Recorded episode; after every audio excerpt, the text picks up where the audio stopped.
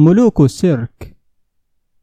الذين شاهدوا معنا أولمبياد سول والأرقام القياسية المذهلة التي سجلها أبطال القفز والجري والسباحة والغطس والملاكمة والمصارعة والكاراتيه والمهارات الخرافية لبنات الست عشرة سنة في اللعب على العقلة والمتوازيين والحصان الخشبي والمعجزات الباهرة في فن التدريب والتمرين والمثابرة. كنا نشعر ونحن نتفرج أن وراء كل ميدالية ذهبية مؤسسة ودولة وخبرة ألف عام ولكن لا أحد منا حاول أن يخرج إلى سيرك الطبيعة المفتوح. لا أحد حاول أن يسافر إلى غابات الأمازون وأدغال مدغشقر وأحراش أوغندا ومراء السافانا الاستوائية ليشاهد ماذا تصنع الحيوانات البدائية في ملعبها الطبيعي. بدون تدريب وبدون مؤسسات وبدون نواد رياضية تنفق الملايين. إن أسرع عداء بين البشر لا تتجاوز سرعته 32 ميل في الساعة.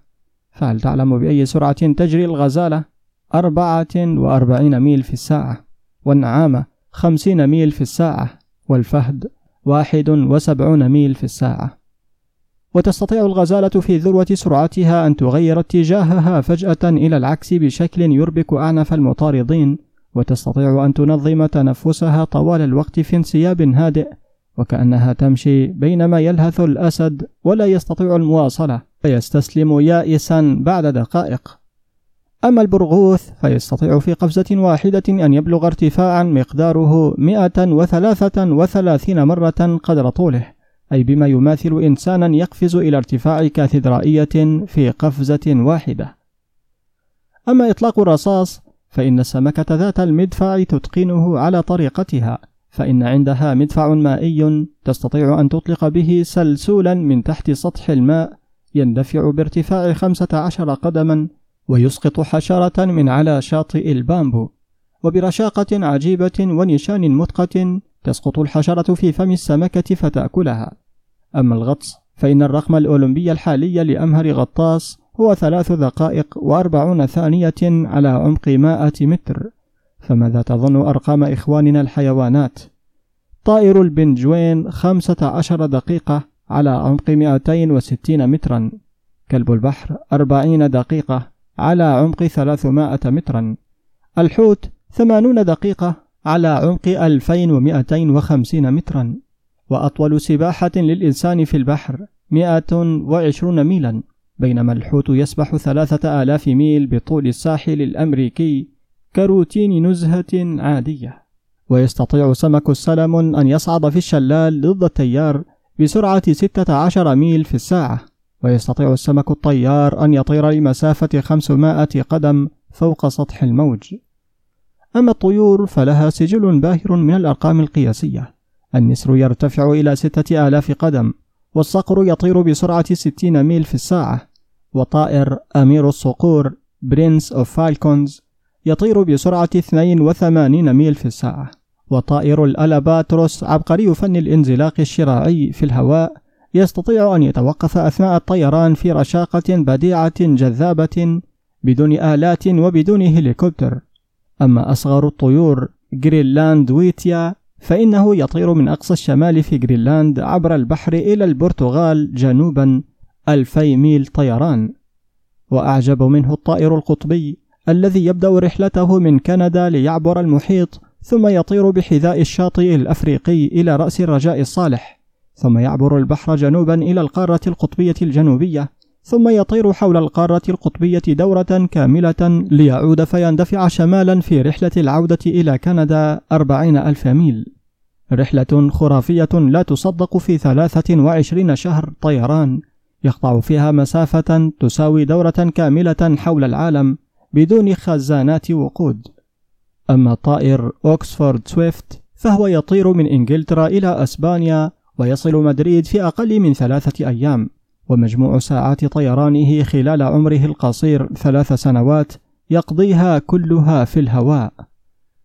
وأعجب الكل ماراثون الفراشات حيث تعبر مجموعات Monarch Butterfly المحيط بحذاء شاطئ كاليفورنيا في ثلاثة أيام طيران متواصل بدون طعام بسرعة 11 ميل في الساعة. وأثناء هذه الهجرة شمالا ثم العودة يهلك منها المئات ويتساقط في البحر. وأخيرا بهلوان البهاليل وأراغوز الأراغوزات القرد عبقري القفز والنط والشقلبة. التلقائية المذهلة والتمكن والأستاذية والشياكة في الحركة بدون مدرب وبدون معلم وبدون معاهد وبدون نواد. معجزة خلاق عظيم وصنعة إلهية ليس كمثلها أي صنعة. لا شك أن الطبيعة مسرح عظيم يهتف فيه كل الممثلون في كل لحظة. بديع السماوات والأرض جلت قدرته عن النظير والشبيه. سبحانه ليس كمثله شيء في أي شيء. وإذا كنا صنعنا واخترعنا واستعرضنا نحن أيضا فبما أعطانا الله من عقل وبما ميزنا من حيله. إنه هو ما زال العرض عرضه والإبهار إبهاره والإعجاز إعجازه. فكيف نغفل عن هذا كله ونحن نضع الميداليات الذهبية على صدورنا ونمشي بها أمام الكاميرات مختالين وقد نسى الواحد منا كل شيء إلا أنه بطل بل إنه البطل الأوحد.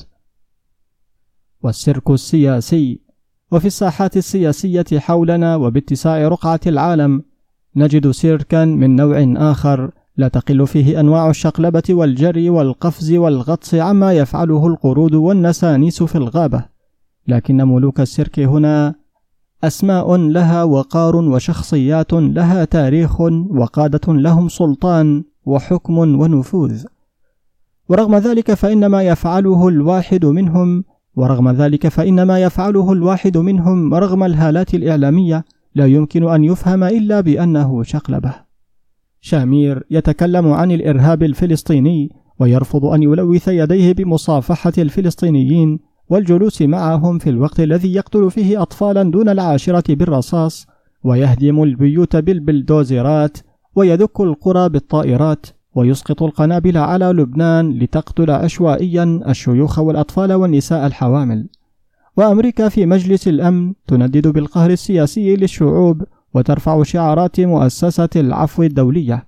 فإذا صدر احتجاج بالإجماع على ما تصنعه إسرائيل من قتل ونسف وتدمير قالت لا ورفعت كرت الفيتو.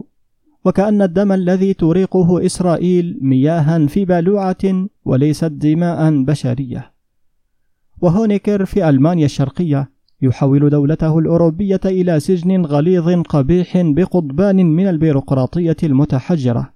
فإذا هرب الشباب بالألوف عبر المجر والنمسا إلى ألمانيا الغربية بحثا عن الحرية والفرص والعمل تعالت صراخاته متهما المجر بخيانة حلف وارسو وبالتآمر مع الإمبريالية وبالميول البرجوازية وبالانحلال الرأسمالي إلى آخر القائمة التي نسمعها من إخواننا اليساريين المحترفين في بلادنا. بل ونقرأ لأحد هؤلاء اليساريين في عموده الصحفي إن الشباب الألماني الهارب من ألمانيا الشرقية هو شباب خائن لوطنه. ولا أفهم ماهية هذه الخيانة. فالشباب موضوع التهمة مهاجر من ألمانيا لألمانيا بل وغالبا لأهله وإخوته وأعمامه وأخواله فأين الخيانة؟ وما هو الوطن موضوع الخيانة؟ كلام انتهى الآن وقصة انتهت وأصبحت نكتة واتحدت ألمانيا الشرقية والغربية وهرب هونيكر إلى روسيا وأصبحت الدنيا غير الدنيا في هذا السيرك الدوار الذي لا تنتهي مشاهده وصاحبنا اليساري معذور فالمشهد مثير وهو لا يقل عن فضيحة وإدانة للمذهب كله وشتمة بليغة لكل ما هو يساري ماركسي واتهام لا يوجد له رد والمشهد مضحك لدرجة البكاء. وأعجب ما جاء في تعليق صاحبنا أنه اتهم الشباب الألماني بعدم الوطنية مع أن كلمة الوطنية في القاموس الشيوعي كلمة مرفوضة. الوطنية عند كارل ماركس رجعية وتخلف لأن الوطن الحقيقي ليس هو هذا البلد أو ذاك ولا هذه الدولة أو تلك وإنما هو دولة واحدة فقط وهي الدولة الشيوعية الأم ولا ولاء إلا لهذه الدولة الأم. ولهذا يتكلمون عن الأممية وعن ولاء واحد نحو الكريملين الكعبة الوحيدة للإخاء الإنساني. وقد سقطت هذه الكعبة الآن ولم يبق لها من الحراس إلا كاسترو. أذكر أن آخر مناحة ارتفعت فيها أصوات الأعمدة اليسارية كانت حكاية بيع فندق سان ستيفانو في الإسكندرية. وحين ذاك تجاوبت الصرخات وتعالت الاحتجاجات وسمعنا الشعارات المألوفة عن تصفية الاشتراكية والثورة المضادة والاتجاهات الإمبريالية وبيع القطاع العام. ونجحت هذه الصرخات في تخويف وزارة السياحة وكف يدها عن المضي في هذا المشروع المنطقي والعاقل والطبيعي جدا. والنتيجة أن سان ستيفانو ما زال خرابة وسوف يظل خرابة لأنهم يريدون كل شيء خرابة لأن الخراب هو البيئة الوحيدة التي ينتعش فيها حقد الفقراء ويشتعل الصراع الطبقي.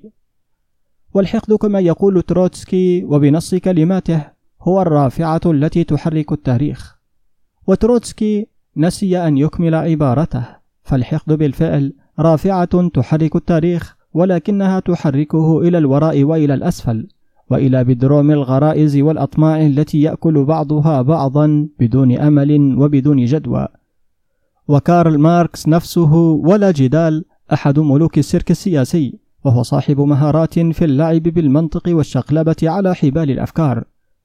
ولكن ألعابه الذكية قد انكشفت الآن وظهر للعيان أنها كانت شقلبات فردية ماهرة مع فارق أن القرود في الغابة حينما تتشقلب فإنها لا تكذب ولا تقول لنا أنها تتفلسف وتقدم لنا علوما ومذاهب وإنما هي مخلوقات صادقة وبريئة ولا تقول أكثر من أنها تلعب وتمرح وتمزح وتفرح. أما أصحابنا ملوك السيرك السياسي الذين يرتدون مسوح الكهان ويمسكون بصلجانات الحكم ويضعون على رؤوسهم تيجان المعرفة ويتصدرون منصات الزعامة فإنهم يقولون كلاما آخر شديد الوقار عن العدل والحرية والكرامة والجماهير والشعوب وحركة التاريخ ولكنهم بالفعل يكذبون ويتشقلبون وينصبون فخاخا محكمة من الظلم والاستبداد يفتحون بها السجون للملايين. لتستقبل ألوف الضحايا كل يوم. وبراء كل بهلوان كبير بهلوانات صغار يرقصها على الصفحات ويضع في أفواهها الكلمات. ولكل سيرك في كل دولة فروع ولكل فرع مكاتب ولكل مكاتب سدنة. جاء من أمستردام بهولندا أنهم يبنون دورات مياه للكلاب في كل دورة سيفون. وتتكلف الدورة الواحدة خمسة آلاف دولار وجاء من بكين أن المحاكم الصينية أعدمت اثنين من الصينيين اختطفا وباعا أربعة وعشرين امرأة ولم يذكر الخبر بكم كانت تباع الواحدة هل هناك سيرك أعجب من هذا؟